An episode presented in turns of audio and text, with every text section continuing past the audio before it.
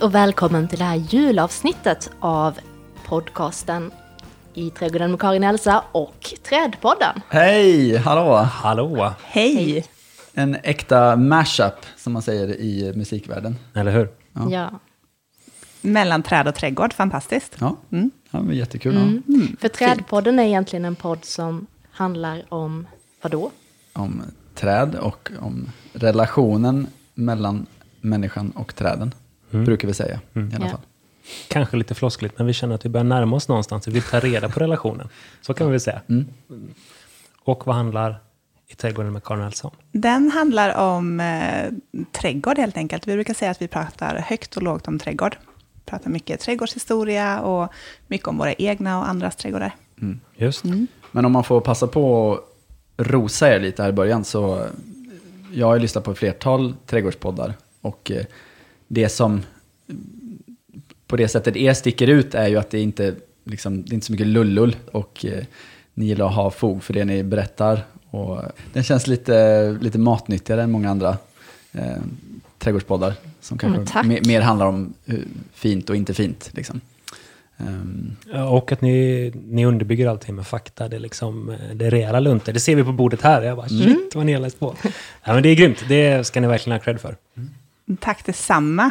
Det är också fantastiskt att det finns en podd som är dedikerad till träd, som också är kunnigt underbyggd. Eh, Om vi ska sitta här och klappa varandra på axeln lite här i början på det här avsnittet. Det måste vi göra. Helt Det måste vi göra. Börja med ryggdunkarna. Sen, Ja. sen kan vi ta fram sågarna. Ja, exakt. Exakt. exakt. All Och vad är right. det för träd vi ska såga ner idag? Ja. Snyggt. Ja, Ja, eller är det, redan, är det redan nedsågat kanske? Ja, kanske. Ja, står runt kvarteret här och väntar på att bli hämtad och köpt och inbuntat i något nät. Mm. Precis. Ja, vi ska alltså prata om eh, granar. Ja, Om Eller en- julträd, Ja, Ja. en julträdsspecial. lagom till julafton.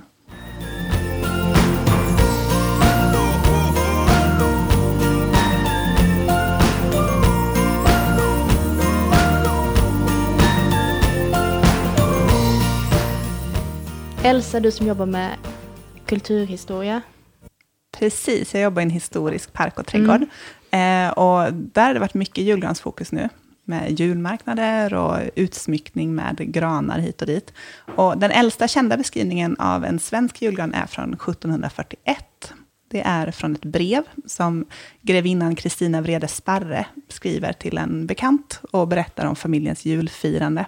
Och där skriver hon bland annat om hur julgåvorna ligger omkring en gran som är smyckad med äpplen, saffranskringlor och ljus. Wow. Det är liksom första beviset för den svenska julgranen. Man brukar ju höra att granen kommer från Tyskland, precis som tomten och andra julsaker. Och det stämmer. Traditionen kommer från Tyskland. Den blir populär här i Sverige i slutet på 1800-talet. Och slår igenom liksom på riktigt där runt sekelskiftet. Och börjar som så mycket annat i städerna och sen så sprider sig traditionen ut på landsbygden. Den hippa granen, eh, den började ändå i städerna. Det var de rika människorna i städerna som fick, fick börja med den. Och sen så kom lantisarna efter där, eller? Precis, och också, där ser man också en väldig skillnad i, i hur man smyckar granen. Att man har eh, lite mer pengar in i staden och kanske har mer godsaker i den och sen handblåsa kulor och stearinljus. Medan man kanske ute på landsbygden har lite bomull för att efterlikna snö eller hemmagjorda pappersprydnader och sådär. Men då är det innegranen vi pratar om. Alltså man tog in den 1741. Det är det man vet. Ja. Precis. Sen är det lite oklart i, i julgranens historia kring, man började med någonting som heter festdagar tidigt i allmogen, där man hade en tradition att man till jul satte upp två granar som hade tagit bort de flesta grenar av och bara sparat toppen. Som man satte utanför, en på varsin sida om storstugans innerdörr, liksom, eller ytterdörren. Okay, lite midsommarstång-vibbar där, eller? Ja, men lite. Och också för att, dels för att mota oknytt och, och liksom hålla gården fri och lugn under, under julhelgen. Och också för att eh, det finns mycket liksom att främja en god skörd nästa år. Att man kanske sätter en sån här fest av gödselstacken. För att det ska bli bättre året som kommer. Och för att mota liksom den mörkaste tiden, att man tar det levande närmare gården. Finns det någon funktion, vet någon det? Om det finns någon tydlig praktisk funktion med att ha en gran inne? är det Nej, gallring ingen- kanske? Att man gallrar Ja, i sitt precis. skogsbruk? Liksom. Nej, men det jag tänkte på är just det här med att ha levande ljus i den. Hur sjukt det är egentligen. Alltså man, man tar en gran som egentligen är full med terpentin, har jag rätt? Skogsmästaren. Shoot. Ja. eh, och sen så låter man den stå inne och bli lite så här småtorr. Sen sätter man eh, levande ljus i den. Och, eh, och, och sen så dricker man alkohol och somnar i soffan. Eh, Det känns som att det, det är verkligen som gjort för att få en, en riktigt härlig brandbomb hemma i vardagsrummet. Och ett hus byggt av trä. Mm, På det. med halmtak. Ja. Skåne med. Men där sätter man ofta sätter man äpplena, ser man att de är ganska strategiskt placerade i granen, för att balansera just ljusen. Så att grenen där ska bli liksom lite rakare och lite mer stabil. Ja, just det. Så att eh, äpplena är ofta nyckeln till att det inte börjar brinna då kanske. Men nu är vi fortfarande inne på 1700-tal här. Ja, Eller 1800. 1800-tal. Mm. Eh, där är det rödgran som gäller, eller hur? Mm, det är det. Och lite vad man hade. Alltså, ibland, det finns ju också att, att det har blivit förbud gentemot att ha in granar till exempel, för att man har tagit för mycket i skogen. Så att det finns ganska mycket uppfinningsrika lösningar på att göra sin egen gran och så också, genom historien. Skedde förbudet i Sverige alltså? Nej, det var i? Tyskland. Okej. Mm, I Ja. Sverige, vad jag vet, så har det inte varit något förbud någon gång. Nej, det- Vi är ju också en skogsnation. Så att, just det. Då börjar man med den så kallade Petsongranen helt enkelt. Ja, exakt. De flesta som lyssnar på podden kanske har väl ändå läst den här eh, Petson får julbesök. En Mm. helt fantastisk saga av Sven Nordqvist. underbar. Eh, där Petson bryter foten, eller vet man, han stukar den i alla fall, när de ska hugga granris. Och så det blir ingen huggen gran. Eh, då, får han, då får väl Findus idén egentligen, att, eh, att de eh, borrar hål i en, regel och eh, sätter i det här granriset eh, som de har huggit ner i, eh, i den istället och får en hemmabyggd gran. Mm, precis. Det är ju en snygg historiekoppling av Sven Nordqvist där. Det måste man ändå igen. Ja, jag hade ingen aning om att det, att det var historiskt innan. Eh, men berätta mer. Eh, När, när gjorde man det här och, och var och varför? Men det var just under 1700-1800-talet i Tyskland, när man hade tagit för mycket granar och man blev liksom rädd, städerna blev rädda för att skogarna skulle skövlas, och framförallt de som skötte skogen. För att det var väl inte superorganiserat med att gå och köpa sin gran. Och det ser vi ju idag också. Jag läste någon siffra på att var femte gran i de svenska hemmen är stulen i skogen. Gissa. 600 000 granar i Sverige är stulna tydligen. Jäklar, det är ganska mycket. Det tänker jag ju på Rudolf. Men får man verkligen hugga en gran här? Anna. Jag betalar skatt. Jag har gjort lumpen. Jag skänker pengar till Rädda Barnen. Jag har alla rättigheter på min sida. Allemansrätten. Alla troll ut nu! Och nu ska vi hugga gran. Ja, nu ska vi hugga gran. Ja, nu ska vi hugga oss en gran. Alltså den dansen ut från 240, den är så grym. En lite rolig anekdot där. Jag hade en, eh, en granne när jag var liten som han hade en perfekt utegran varenda år. Alltså den var så här perfekt. Men då ska man också komma ihåg att alla såg den när de åkte förbi med bil. Så då kom man aldrig närmare själva granen än kanske 150 meter. Sen när den här äldre mannen gick bort så blev det aktion på hans, liksom, det som fanns kvar. Och då kom det ju fram att det var ju en Petson-gran han hade All byggt right. till, men det var inte så många som visste att det var det här. Så den gick ju för riktigt höga summor på auktionen där liksom. Var- Fantastiskt. Ja, nej, men det, ja, det är en kul grej. Och den hade då heller aldrig blivit högre. Liksom. Den Nej, var, Den var precis. ju lika fin varje Ja, år. ja, Men en utomhusgran då, ska jag säga. mm, Men han hade ju fattat grejen, liksom, att den var perfekt geometrisk åt alla håll. Det finns också en sån här, lite det här med att det är oklart när julgranen kommer. Det finns också en, eh, en del historier om när kyrkan blev lite, miss, ja, men lite missnöjda med att det var mer fokus på julgranen, kanske på Kristus under julen. Så att man tog granen, hängde den upp och ner eh, och var väldigt bestämda med att det var en symbol för treenigheten. Så att det var så julgranen var och att man fick in den i kyrkan och liksom i, i det som man skulle fokusera på på julen egentligen.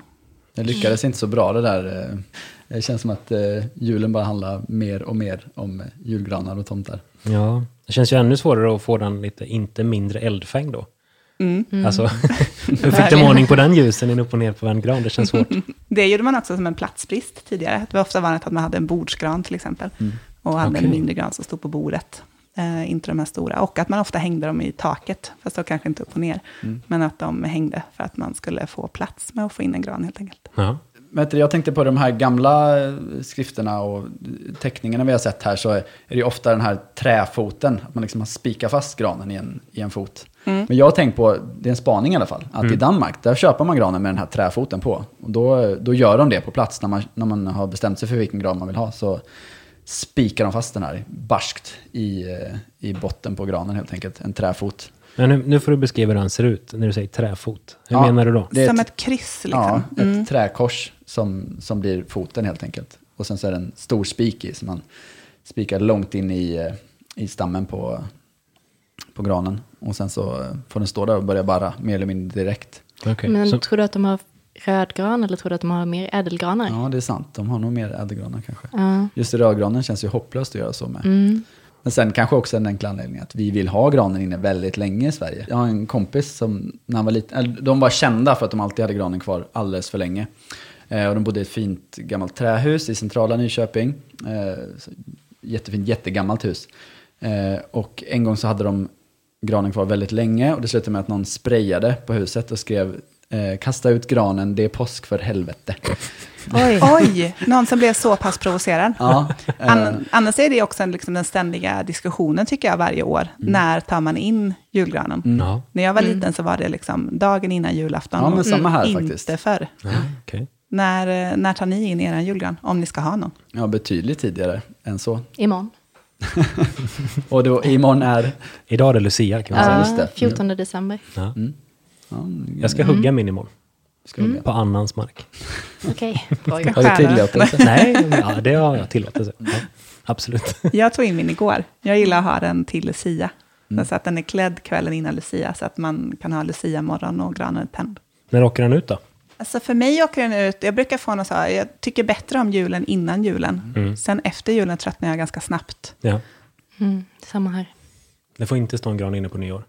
Jo, det får det gärna göra. Ja. Men eh, liksom två dagar efter nyårsafton får Okej. den gärna försvinna. Mm.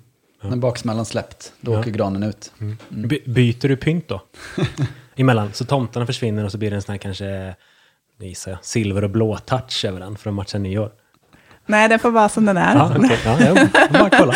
ja, men däremot så är det så här, då tycker jag man blir sugen på tulpaner och alltså en annan typ av växtlighet. Mm. Nu kommer jag från Småland, från en skogsgård, så jag är hemma liksom första advent nästan alltid. Och, och plockar mycket smågranar och tallar och sådär. Släpar in mycket städsegrönt in i huset. Mm. Och sen så tröttnar jag på det två dagar efter nyårsafton. Sen bara ut med det. Mm. Ja. Planterar jag det i trädgården istället. Kan, en, eh, kan en utegran ersätta en innegran? Alltså att ha en gran i trädgården skulle kunna... Mm. Nej. Nej. Tycker du det? Nej, jag vet inte. Jag tänker på, vi talar om platsbrist. Man får inte in... Ja, men så här. Det är trångt och du kanske bor i en lägenhet och så har du kanske glaspartier ut till din altan. Och så står det valet och kvalet, jag vill inte ha barr. Och så har du plastgran då. Nej, men jag kan ställa en, någonting på altanen som ändå inte har plast. Men vad är den här rädslan för barr, undrar jag? Tycker man det så jobbigt? Alla har ju dammsugare. Ja, Nej, men så här, jag har ett tips. Du kan få en gran nästan idiotsäkert att inte barra. Låt höra. Vad är hemligheten? Mm, där är så här. Du börjar att hugga granen som vanligt. Inga konstigheter. Sen har du en liten julgransfot som är tight. Den ska vara så den sitter tight i botten på en 10 liters hink. Så att du, du hugger den, sätter den i foten, sätter ner den i 10 liters hinken, fyller hinken med vatten så den har enormt mycket vatten hela tiden, den får aldrig torka ut. Och sen ställer du den här fula 10 liters hinken då kanske i någon snygg damarsan eller någon, nej inte damarsan men en eh, plåt. Hög- ett höga näskrus. Ja, eller en plåtkorg som du pyntar med lite jute. Vad är det för uttryck du använder? Damarsan, aldrig hört förut. Damask vet jag vad det är, men... eh, ja. Okej. I alla fall. Kör du den här akklimatiseringen av gran också, som vissa kör med? Man kanske har den i uterummet ett Ja. tag, eller att det, liksom, det ska Ja. inte bli den här chocken att komma in i värmen. den är viktig tycker jag. Mm. Ett steg mellan ut och inne. Jag har lite tidspanik nu då, så i och med att jag hugger den imorgon, det är typ två veckor för sent. Så att jag kan ju vara körd i år. Ja. Ja, men annars brukar vi ha den så att den står lite ute och väntar på att komma in. Kanske i ett växthus eller kanske nära väggen någonstans. Men i alla fall, tricket är mycket, mycket, mycket, mycket vatten. Eh, har vi lyckats med det här de åren så har jag fått alltså tillväxt på några skottillväxt när vi kommer in i januari. Ja. Inte ett enda barr nästan. ja, det är grymt. Och eh, alltså, inser man att det hänger på näppen att han ska börja bara socker. Men då kommer vi ofrånkomligen in på det, att den här granen, hur väl du än behandlar den så kommer den ju dö. Mm. Vad, det börjar ju dyka upp lite alternativ. Jag vet du pratade om det innan, Elsa. Det, det gör det. Dels finns det som i Holland och i Storbritannien och sådär, att man hyr sin gran. Så att man köper den på rot, och köper den i kruka helt enkelt. Och sen eh, lämnar tillbaka den till sin eh, granodlare efter jul. som tar hand om granen och, under ett år. Och sen så kan man eh, köpa och hyra samma gran en gång till. Du hade Okej. också hört om detta i Sverige, Karin? Att det finns i Blekinge redan, ja. Mm. Såklart i Blekinge. Blekinge. Hör upp alla entreprenörer där ute. Starta granuthyrning. Det är helt i ropet. Det ja, men finns också bara- hållbarhetsmässigt. Mm. Ja, det finns bara 42 procent gran i Sverige. Men annars är det en bra idé. Om man inte vill eh, eh, hyra av någon, om man kanske har egna granar men ändå inte vill ta koll på dem, för man tycker att de ska stå ute och växa till sig lite till, eh, så vet jag ju att man kan gräva en gran med klump, en liten en i alla fall. Eh, plasta in den här klumpen och ha den in över jul. Eh, vi snackar nog kanske max en vecka nu eller något sånt. Och sen sätta ut den igen. Och, och, och ja, sen börjar den rota, rota sig på nytt och, och kan bli en stor gran så småningom. Det är en rätt rolig idé i alla fall. Ska du göra detta? Nej, jag ska inte göra det. Jag har inga granar. Nej. Jag har ingen, ingen mark med gran på. Men om jag hade det, ja då hade jag lätt provat det. Ja. Så en plantskolisse, jag hade tyckt det var ganska roligt att gräva klump, rotklump. Jag har liksom en så här talldunge på gång. Så att jag tar in tallar med rot och har dem inne över jul och sen så planterar jag ut dem i trädgården på ett ställe. Mm, det För jag är vill att det ska bli en talldunge sen. Och transporterar tallar från Småland som får hamna i min trädgård i Skåne. Vad har du för eh, etableringsprocent? Klarar sig alla? Nej, Nej. Okej. det gör de inte. Men kanske 60 procent klarar sig. Ja, det är bra. Så det är ändå något.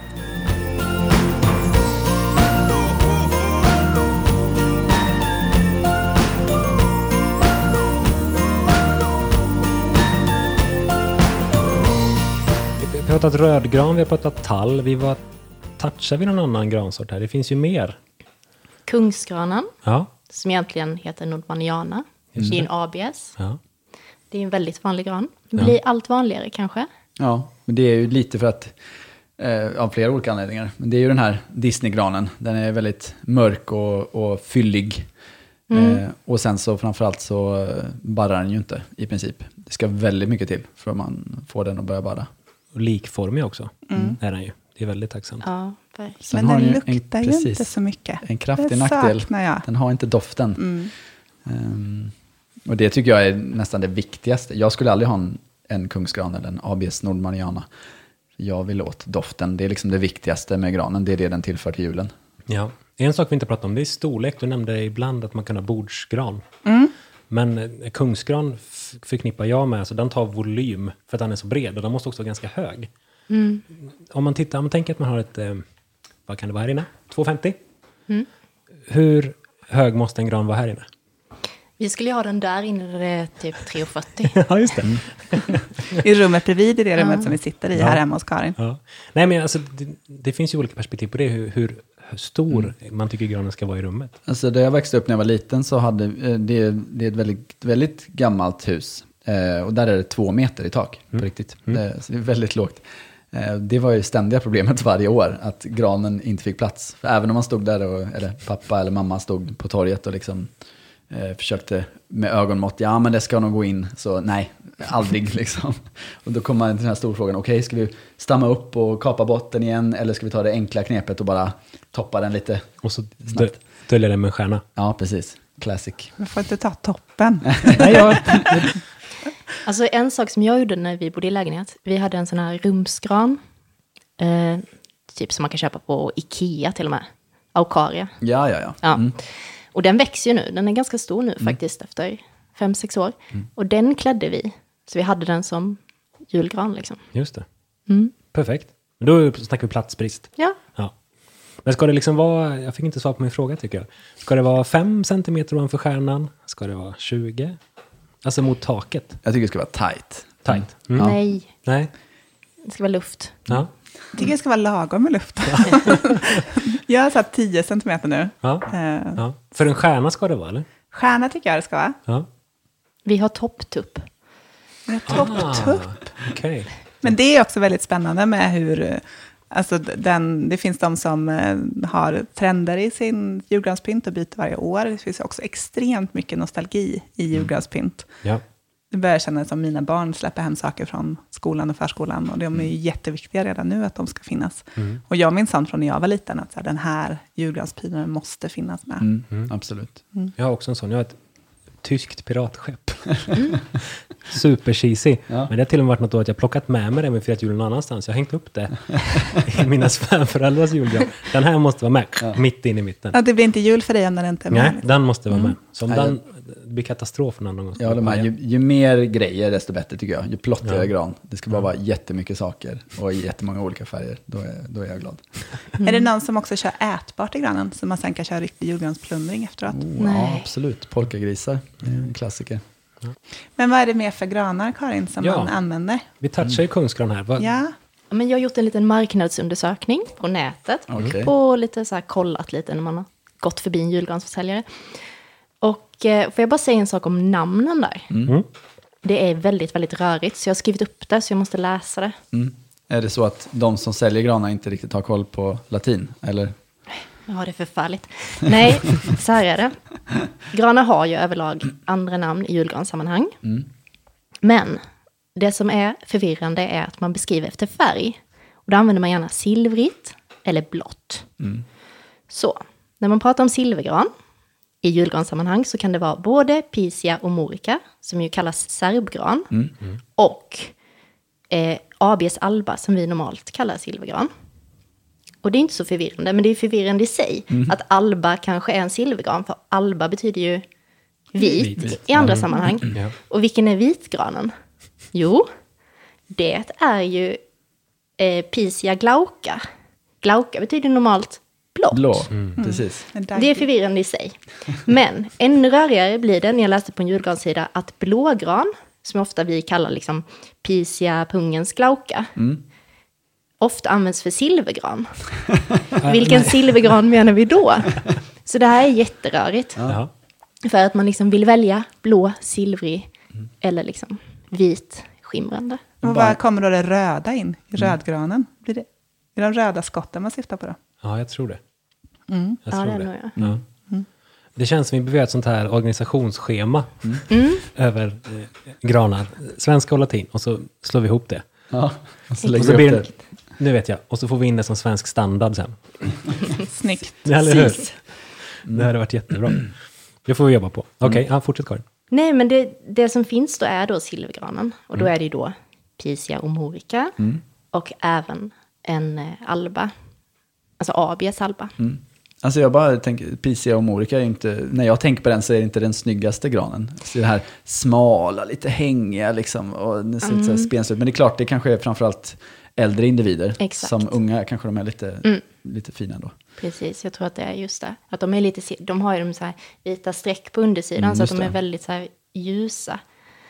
Ehm, och sen så också ABS, nu vet inte jag hur man säger det här, ABS fraseri. Mm. Säger ni något annat? Nej, ny för mig, Mm. tyvärr. Det är en Virginia-gran som kommer från Appalackerna. Och jag hittade också ABS Bornmulleriana, som är en vari... Eller, det är en underart till Nordmanianan tydligen. Fast den växer liksom på en annan del i Turkiet än vad Okej. Nordmanianan normalt växer. Så den heter på skudd då till exempel ABS Nordmaniana subspecies Bornmulleriana. Oj, det vill jag gå och prova. Om, Mm. Men jag, det- om jag inte lyckas hugga imorgon så ska jag försöka gå och beställa en sån. Ja, jag hittade en odlare som Ja. hade den och Nordmanianan, så han har ju en tydlig skillnad på dem då. Okej. V- Vad är visuellt sett, de två senaste du nämnde? Jag vet inte det, Nej. men han vet nog. Ja. Får förmedla kontakten sen. ja. Snyggt. Pyntegrönt då? Mm. Vad är det som används där? Ja, det, jag kan tänka mig att det är en salig röra, eller? Jag har inte svaret helt, Nej. men alltså, vi använder ju extremt mycket som vi kallar grane på min arbetsplats. Och då är det det som ofta säljs som nobilis. Men nobilis kallas ju annars ABS prosera Ja, ja. glauca. Nu, nu hittar jag rätt i huvudet. Exakt. Ja. Och det används för att det är liksom ganska bulligt, det är blått i tonen, ganska rufsigt. Man odlar normalt inte dem som träd i Sverige, utan det är liksom för att kvista den. Just det. Klassiskt. Och där pratade jag med en, en odlare som sa att det också är svårt att få eh, arbetskraft som är duktiga på att hugga grane. Eh, för att det är, man gör det nästan med liksom en specialkniv. Man ser ofta på de grenarna att det är ett snett snitt. Liksom. Och det är en, så att de som är riktigt duktiga på det hugger många och hugger, hugger snabbt. Men att det är svårt att få in nya unga förmågor som är bra på att hugga mycket granar snabbt. Men då är det den som man också kan... Jag tänker på nordmaniana där, men jag tror ja, att när man kan vända på den. Så du har grönt på ena sidan och ljusvitt på andra sidan. Nordmaniana ser ut så. Ja, jag tror att det är det vi har beställt i år. Så vi har använt det och mycket för att lägga mönster på många planteringar som vi annars har vår, sommar och höstblommor i. Ja. Så lägga olika typer av, framförallt på planteringar som är som tapetplanteringar eller märken, så har vi gjort olika mönster. Det är ganska schysst. Ja, men just ett tips att man inte behöver använda en sida bara, utan man kan använda många sidor, eller båda sidorna. Bra tips. Har ni skrivit, liksom, skrivit hälsningar i det, eller mer ett mönster? Mm, Än så länge bara mönster. Men gran, grangraffiti kanske är rätt schysst alltså. God jul! Ja, till exempel. Varför heter det då kungsgran och inte nordmansgran? Ja, det är lite märkligt. Um, Kungsgranen har fått sitt namn av eh, Skogshögskolan, sedermera Sveriges eh, lantbruksuniversitet. Ja, det är ju vår gamla hemort, Ja. på att säga. Allas gamla skola. Yes. Men ingen av oss är jägmästare. Nej. Utan det är ju jägmästarna då som skänkte, deras studentkår skänkte den till eh, Kungliga slottet, ett antal, från 1960-talet och då fick den sitt namn. Så det är ytterligare ett bevis då på att man inte alltid ska lära sig de svenska namnen, man ska lite koll på den latinska bakgrunden också. Och det är väl en fortsatt årlig tradition Ja. att eh, jägmästarstudenterna kommer och levererar granar till slottet. Ja, precis. Det är en fin tradition. Det är ju kul att det liksom har fått ett namn utifrån, jag gillar alltid kungahuset, du vet Gustav. Men det är väl kul att eh, Noppe och Putte kan få smöra lite för kungen. Det är väl jätteroligt. Nu raljerar du om jägmästarkåren, det får du sluta med.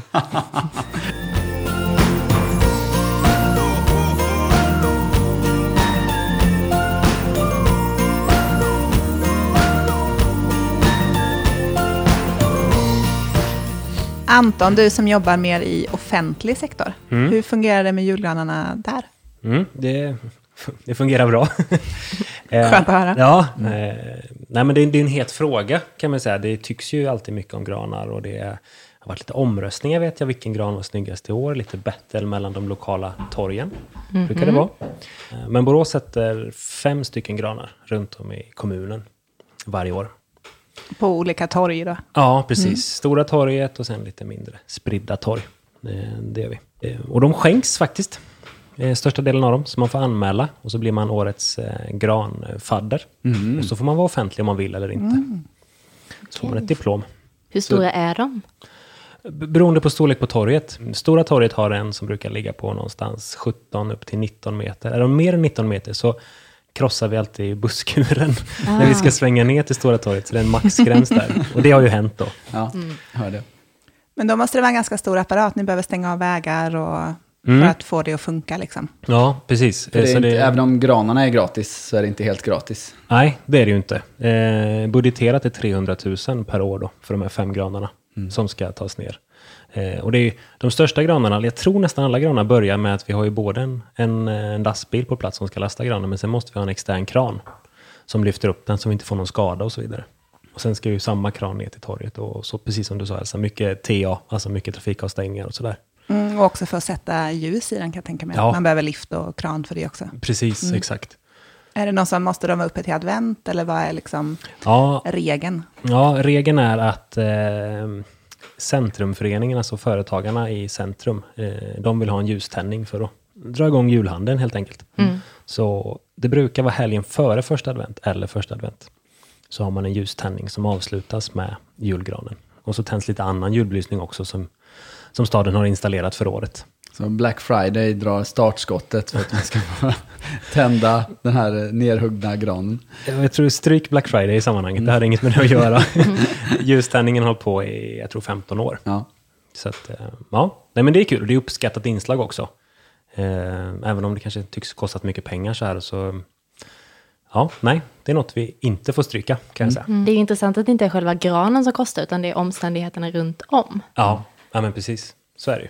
För det är ett träd på x antal år ändå, Ja, som har stått och växt. Men det kostar i princip ingenting, Nej. utan det är liksom själva transporterna och uppsättningen. ja, i, Logistiken. ja, precis. Och det är snarare det att det är de som skänker granarna, det är väldigt ofta, de vill ofta bli av med dem. Så de ser det som att ska jag anlita någon för att fälla den här och eh, forsla bort allting, eller så kan jag skänka den till kommunen. Det Så- råder eh, inflation på stora rödgranar i Sverige, kan man säga så? Ja, vi har faktiskt haft lite små svårt att få tag i gran. Jag vet också, det blir åt lite nyheter när Göteborg ska hämta sin gran i våran kommun. Så, ah, här åker Göteborgs gran in. Och den är ännu större då. Eh, och jag, till 99% säkerhet så vet jag att Göteborg någon gång har flugit in sin gran också med helikopter. Åh herregud. Nej, det är inte aktuellt i år kanske. Jag tror inte det kommer hända i framtiden heller, nej. Nej, Klimatmässigt sett. flygskammen sätter stopp för det. Ja, Bra. exakt, exakt. Norge gillar att skänka granar. Mm. Ja, precis. Det verkar ju vara så.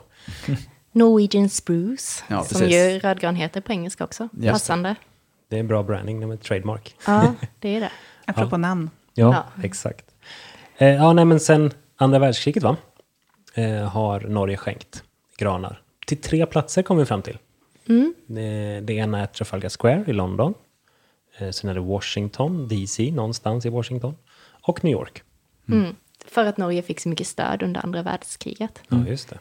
Precis. Sen 1947 har man skänkt den här granen. Eh, kan också läsa att eh, det är en betydande del i, i julfirandet i London att den här granen ska sättas på plats och tändas.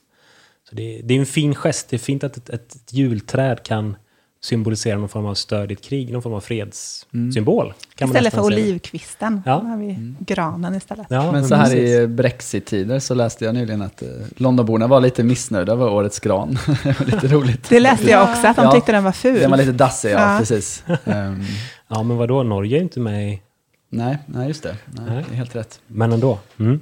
Nej, jag såg också något klipp på, från BBC där, och så var det någon engelsman som frågade vad de hade gjort mot norska nationen för att förtjäna en sån här gran. Jag bara, ja. Ja.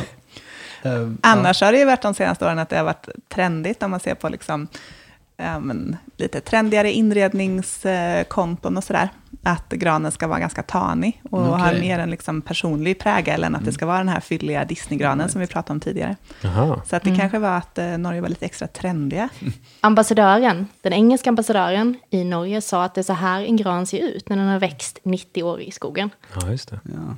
Jag läste också att de är med. Det är som process när den huggs också.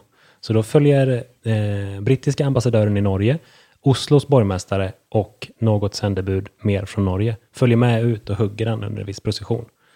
Jesus. Så det är en ganska stor apparat. Ja, men eh, man frågar sig lite, eller jag frågar mig, hur, hur fraktas den? Okej, till eh, England kan jag förstå. Det, Båt. eller till, ja, men, eh, men till staterna, det är en lång resa alltså. Mm. Har vi några andra kända offentliga granar? Rockefeller Center i New York, på Manhattan, Ja, som också är känd från Ensam Hemma, just två. det. Två. Ja. Två, Home Alone 2. Och man kan också, precis som ni gör i Borås, skänka sin gran till Rockefeller Center och då får man liksom äran för det. Och enligt ett formulär på deras hemsida så måste granen vara 22,86 meter, nu är det översatt från feet, det är därför det är lite konstigt, eh, i höjd och 13,7 meter i diameter, alltså med grenverket, inte stammen då. Eh, Riktigt, riktigt riktigt maffig. Så att eh, det är ju liksom, det är minimimåtten. Och sen får man ställa upp. Det blir nästan lite så här tävling kan jag tänka mig. Mm. Bara, Nu, I år är vår gran så snygg att den skulle kunna platsa på, på Rockefeller Center. Men de har ju också rödgran. De pratar inte om lite pynt i den granen, va? Nej, det är väl typ 25 000 lampor eller något sånt. Det är helt sjukt. Kan man ens ana att det är en rödgran liksom under allting? kan man ju fundera på. Kunde Eller, lika bra ha en stomme bara. Ja. Sen täcker den. Gustav Adolfs torg i Malmö som är lite känt för sina Mm. vackra juldekorationer. Och där är det ju inte någon gran utan det är ju framförallt de här stora platanerna som eh, Mm. Just pyntas med, med ja, Hjärtan och paket, va? ja, Ja, precis, precis. varje år. Det är ju jättesnyggt. Ja. Och där kan man snacka hållbart. Att eh, pynta de träden som ändå står på, på torget. Oh ja. Eh, men det görs ju också lite överallt i stan. Mm. Att man sätter upp offentlig julbelysning eller att bostadsbolag gör det. Liksom. Mm, Så man använder ju också offentliga träd och definierar grenarna eller... Så det, Men du som jobbar i det offentliga, är det, brukar det vara ett problem att man eh, lindar in grenarna i såna här ljuskorvar? Ja, vi har faktiskt fått avverka en del träd. Eh, Oj. där man har, det har skänkts från första början eh, och det är ju jättetacksamt. Men det följer inte med något, några pengar för underhåll. Så det har stått och chanserat. Så att, eh, bland annat jättestora fina klibbalar fick stryka med. Eh, och även en större, faktiskt då frisk alm. Som var riktigt illa dödan. För att eh, belysningen har strypt tillförseln av, av vatten? eller? Ja, precis. Så den var ju inte elastisk då, utan det var en Och stump. den har suttit kvar år efter år. Ja, det är kanske det en- man ska förtydliga här. Att det, Ja. vi rekommenderar att, att belysningen tas bort. Ja, alltså den där figurbelysningen som man säger när man lindar upp, då måste du ha ett, eh, ett väldigt gediget skötselprogram för om du ska göra det. Så då kostar det mycket pengar. Dels sätta upp den är dyrt, arboristtid är dyrt. Eh, kunnig personal som ska göra rätt, men de måste också upp. Jag tror Liseberg byter vartannat år, eller vart tredje år går de upp och justerar sina. Så det måste man göra. Detta är verkligen en del i arboristyrket. Det är spännande. Jag, jag efterlyser faktiskt en arborist som är elutbildad. Det hade varit, den skulle ha så mycket jobb. Oh, Ja. bra nisch. Ja, verkligen. En elutbildad arborist, det är liksom bara att åka runt och casha in. Ja. Ljustekniker slash arborist. Ja, ja det, det är efterfrågat så här i julbelysningstider. Ett annat sätt är faktiskt att belysa träd med, eh, från marken istället. Mm, just det. Jag menar, då kan man ju kanske växla eh, om du vill ha lite varmare ljus eller det kanske vara någon, jag tycker inte det är snyggt, men kanske någon färg uppe i trädet under jul och sen kan någon annan typ av belysning. Det är också ganska hållbart. Mm. Förutom light pollution. Ja, jo, jo visst. Vi ska blanda in. Det finns alltid något aber liksom. Ja, ja. Någonting som är i vägen. Ja. Men när vi ändå pratar hållbarhet så ska vi prata om eh, vad jag tycker är den senaste trenden inom offentlig verksamhet. Det är ju att plantera den permanenta granen. Är ni med? Ja, vi är med. Jo. Jo, men eh, så här. Det, visst, det kanske inte är super ohållbart att eh, ta ner en stor gran, sätta den på torget och sen eh, göra eh, fjärrvärme av den. Eh, men men eh, det kostar pengar och eh, många gånger så här, kanske den granen hade kunnat stå kvar i skogen lite till och Mm. bundit ännu lite mer koldioxid. Eh, så att den senaste trenden är helt enkelt att man planterar en permanent gran. Eh, och då är det ju så att i, ja, på våra breddgrader och i, i städerna så funkar inte rödgranen så bra. Den kommer aldrig trivas speciellt bra på ett torg. Varför inte då, Gustav? Ja, eh, rödgranens ståndortskrav som det heter, alltså den, den trivs där det är fuktigt och ganska svalt, eh, skyddat läge. Eh, det är därför de eh, trivs bäst i stora bestånd helt enkelt. Man ser ganska sällan ensamma solitära rödgranar. Det finns ju som tur är massa alternativ. Eh, och om, eh, om staden i fråga vill plantera en, eh, en permanent julgran. Jag vet att i år så var det Svedala kommun i en ort som heter Klågerup som tillhör Svedala kommun. Där har man valt att plantera ett eh, mammutträd, alltså ett Sequoiadendron gigate- giganteum eh, på, eh, nu ska vi se, Lokvändarplatsen heter den. Mm, Det är ganska unikt eh, tilltag skulle jag tycka. Eh, Men väldigt, väldigt roligt och roligt tänkt av, eh, av kommunen i fråga. Står den i någon plantering då, eller står den liksom i, i skelettjord, eller hur har de Ehm, eh, löst det? Ja, man har precis gjort om hela den Lokvändarplatsen. Eh, Så det är, en, det är en ny plantering och eh, med frisk ny jord och jag vet inte om det är skelett eller inte där. Eh, Men det, men det, är, det är inte hårdgjort runt omkring i alla fall. Och det som är riktigt kul är ju att, att eh, ja, man kan ju räkna lite på det här. Vad, vad innebär det liksom? Att, eh, vad, vad sa du? En julgran, alltså eh, just på den platsen kanske de inte har en sån jättestor julgran. Nej. Men jag tror vi är någonstans siffror om kanske 15 000 att få dit en gran. Mm. Eh, och det här trädet råkar jag veta av en händelse. Kostade 25 000 ungefär, eh, exklusive moms. De har ändå tjänat in det på två år. Ja, precis. Eh, sen kanske man ska lägga till eh, anläggningskostnad och, och lite annat. Mm. Eh, men det tar ju inte så lång tid att tjäna in det helt enkelt. Och det här var en stor, eh, eh, riktigt stor sekundendon. Ungefär eh, sju meter lång. Så att, ja. Och om man sen leker med tanken att en, en, ett mammutträd kan ju bli tusen år gammalt ungefär. Kanske inte i Sverige idag, men, men ändå. Eh, så, så då kan ju parkenheten skicka en saftig räkning till, till gatukontoret och be dem betala allt de har sparat in åt dem. Ja, Sen får man väl tänka på vad man upptar på allmän plats också. Eh, om den här stod i en plantering så funkar det ju. Mm. Det kan bli lite svårare att diskutera det på ett torg, tänker jag, som är så multifunktionellt. Eh, visuellt sett så tar ju en stor gran ganska mycket plats. Kors i taket, Anton tycker att träd är i vägen. Vad hände i träpodden nu? Ja, det är lite spänning här. Nej, men man får komma ihåg att torgen ska användas till mycket. Mm. Det är väl mer så. Ehm, Men ja, så mammutträd är ett förslag. om man är i zon 1, 2, kanske 3, jag vet inte. Atlantceder. Ja, precis, just det. Det hade varit Annat. väldigt snyggt. Den klarar väl upp till, ja det är oklart, men i alla fall zon 3 skulle jag tro också. Det är Eh, riktigt fint. Ja. Mm. Lite annan form kanske, man får tänka till på ljussättningen bara. Men eh, visst. Ehm, sen har vi ju en riktigt här igen, det är ju ABS Koreana. eh, som jag tror det är åtminstone till zon 5 eh, i Sverige. Mm. Och den hade också funkat i stadsmiljö, mycket mer torktålig eh, och, och värmegynnad. Och trevliga kottar Mm. Just det. som är uppstående istället. Det hade gjort väldigt fint. Ja, verkligen. Och den är ju sådär jämn och tät och snygg. Det är ju det närmaste en, en eh, kungsgran man kommer, skulle jag tro.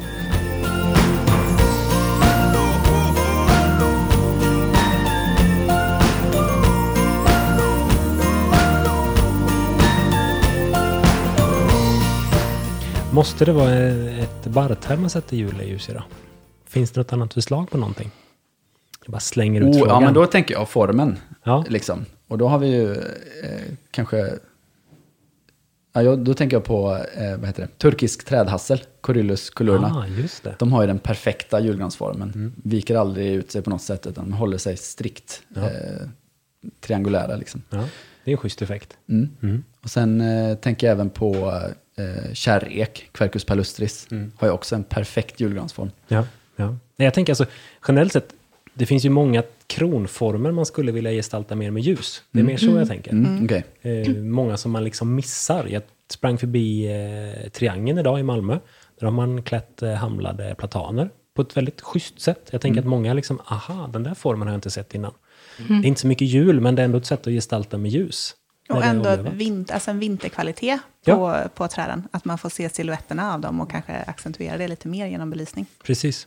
Men Gustav, Mm. när man handlar en gran på torget, till exempel en röd gran, Mm. PCABS på latin, eh, för 300 spänn. Vad Mm. kostar en sån om man skulle köpa den i plantskolan istället? Ja, det är ju lite lustigt, för det är ju nog ungefär tiodubblat pris, skulle jag tro. Cirka 3000 kronor ex moms kanske, ungefär. Vad tror du det är som gör den skillnaden? Ja, det är en ganska enkel faktor egentligen. Att eh, för att den granen du köper som är nedhuggen, även om den hade varit uppgrävd med rötterna, så hade den troligen inte överlevt. Den var väldigt, väldigt svår att etablera. Eh, en gran i plantskola som är tre meter hög, den är omskolad tre eller fyra gånger. Så att, eh, alltså, för att rötterna ska, eller för att den ska bilda nya finrötter nära in på stammen, så att så många rötter som möjligt följer med vid leverans. Så det är ju det det handlar om såklart. Eh, sen blir ju frakten också dyrare i och med att det är en stor klump med. Det blir tyngre, eh, jobbigare att hantera.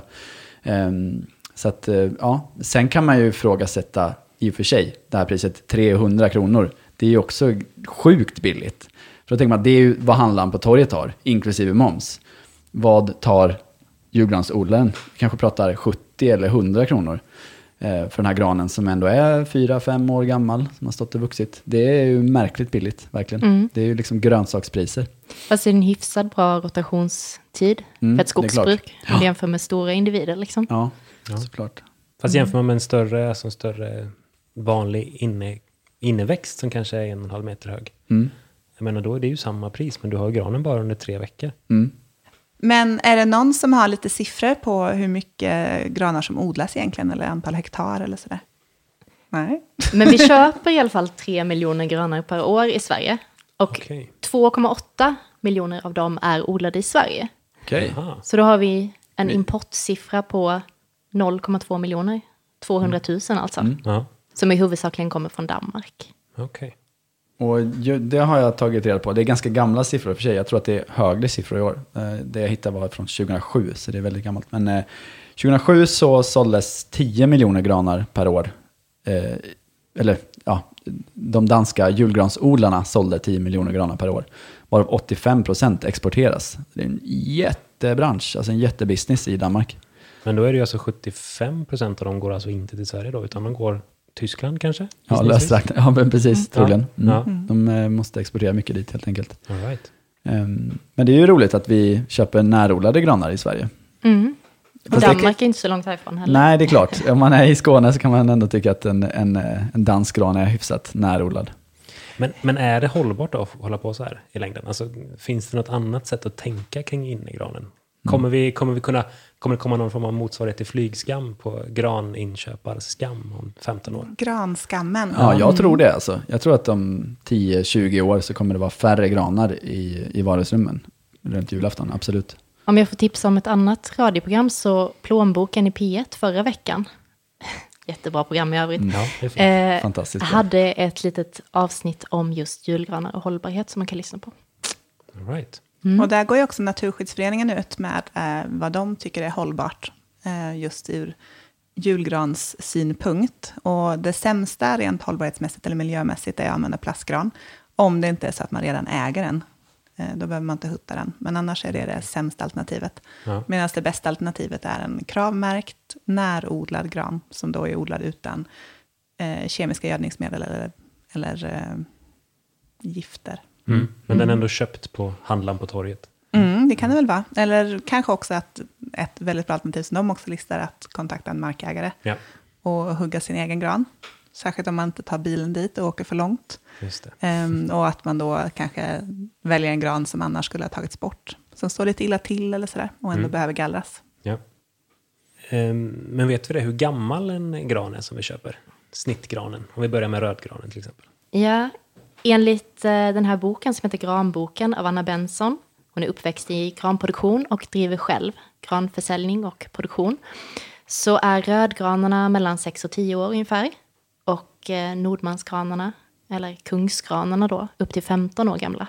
Oj, det är väldigt lång tid och så använder den bara i tre veckor, kanske fyra veckor. Ja, det är det ju. Det känns ju lite sådär. Och att de genererar ett värde om några kronor per år. Det är Ja. också roligt. Kontra typ präntproduktion som genererar några kronor per dag. Ja, precis. Apropå texter och böcker ska man också säga att den här eh, informationen som jag tog i början av avsnittet om julgranens historia kommer mycket ifrån en skrift som heter just Julgranen, som är författad av Birgitta von Heland, som var knuten till Helsingborgs museer, om man vill läsa ännu mer om julgranens historia. Om ni inte får nog av vårt julgransdravel så ja, in i arkiven. Jag vill slänga in en annan sak som inte alls är speciellt klimatsmart. Mm. Eh, men det är ju Försvarsmaktens sätt att fira jul. Såklart. eh, och då pratar vi om flygvapnet. De Ja. har ju en så kallad granflygning. Där deras eh, stridsflygplan Mm. flyger i granformation. Hur många flygplan är det? Det är lite olika. Eh, jag tror att eh, den, minst så tror jag det är nio, men jag har sett upp till eh, 15 ibland. Men jag har sett den där en gång och det är ju inte så här, det är, det är inte det första man tänker det är en julgran. Jag tänker, oj, där kommer en pil, typ. Ja. Men du har i alla fall sett den. Det, Du tycker de ska jobba på sin formation? Ja, jag tänker, nej, jag vet inte. det finns en bitterhet jag kommer från att Borås är lite känt för ganska dåligt väder. Ja, Så en rubrik för några veckor sedan var Sjuhäradsbygden missade, nej, Sjuhäradsbygden fick inte se julgranen i år igen. Och så skyller de på Försvarsmakten för att de inte väljer att flyga över Borås för att det är molnigt. Nej, jag vet inte om det har med det att göra. Men det är en viss typ av gran, absolut inte klimatsmart. Apropå det så såg jag, det var ju någon liten, eh, vad ska man säga, eh, ja, eh, flottan retas lite med, med flygflottan helt enkelt. Jag la upp en bild på en fin skärgård i Vinterskrud. Det stod att eh, här kör ubåtsflottiljen eh, julgransformation. Man såg alltså inga ubåtar utan det var bara en, en bild på skärgården. Ja, det är bra. Men det är väl lite, ja, de kanske är lite sura att de inte får så mycket uppmärksamhet helt enkelt. Nej, precis. För de jobbar ju under ytan. Yes. Så julen är över och eh, julgransskam eller ej så har, eh, har man haft den här julgranen hemma. Vad, vad ska man göra med den sen då? Eh, när julen är slut?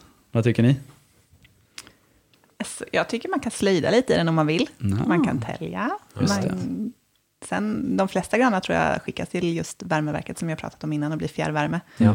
Eh, och det är väl ett alternativ. Mm. Eh, på mitt jobb så ger vi dem till djuren Mm. när vi är klara. Så att eh, ska ha lite roligare vintrar. Ja, just det.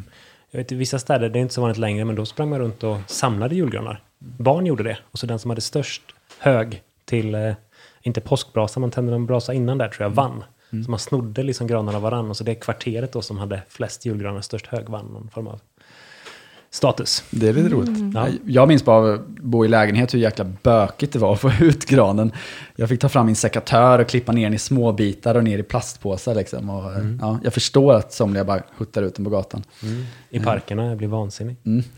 Exakt så där gör jag fortfarande. Klipper den i små, små bitar och så slänger jag alla barren i de partier i trädgården som jag tänker ska vara lite surjord. Eftersom det är så kalkrikt här. Och så vet inte jag om det påverkar jorden, det tror jag inte. Men Det känns jag. bra. Ja. Du använder det i alla fall till någonting. Ja, Jag brukar elda min i trädgården. I'm not surprised. Gillar att elda. Ja. ja, men vad kul, hörni. Jättetrevligt att köra en podd tillsammans. Ja, verkligen. Det här var roligt. var- Kanske starta en jultradition här. Ja, eller hur? Julnötter nästa gång. Ja, nästa år pratar vi bara daddelpalm tycker Ja. jag. Men jag hoppas vi har skickat ut lite julstämning i poddeten eh, till er alla. Och eh, tack så mycket för att vi fick komma hit, Karin och Elsa. Tack för att ni kom. Tack för att ni kom. Och till alla lyssnare, god jul får vi säga då. Det får vi säga. Så hörs God jul! God jul.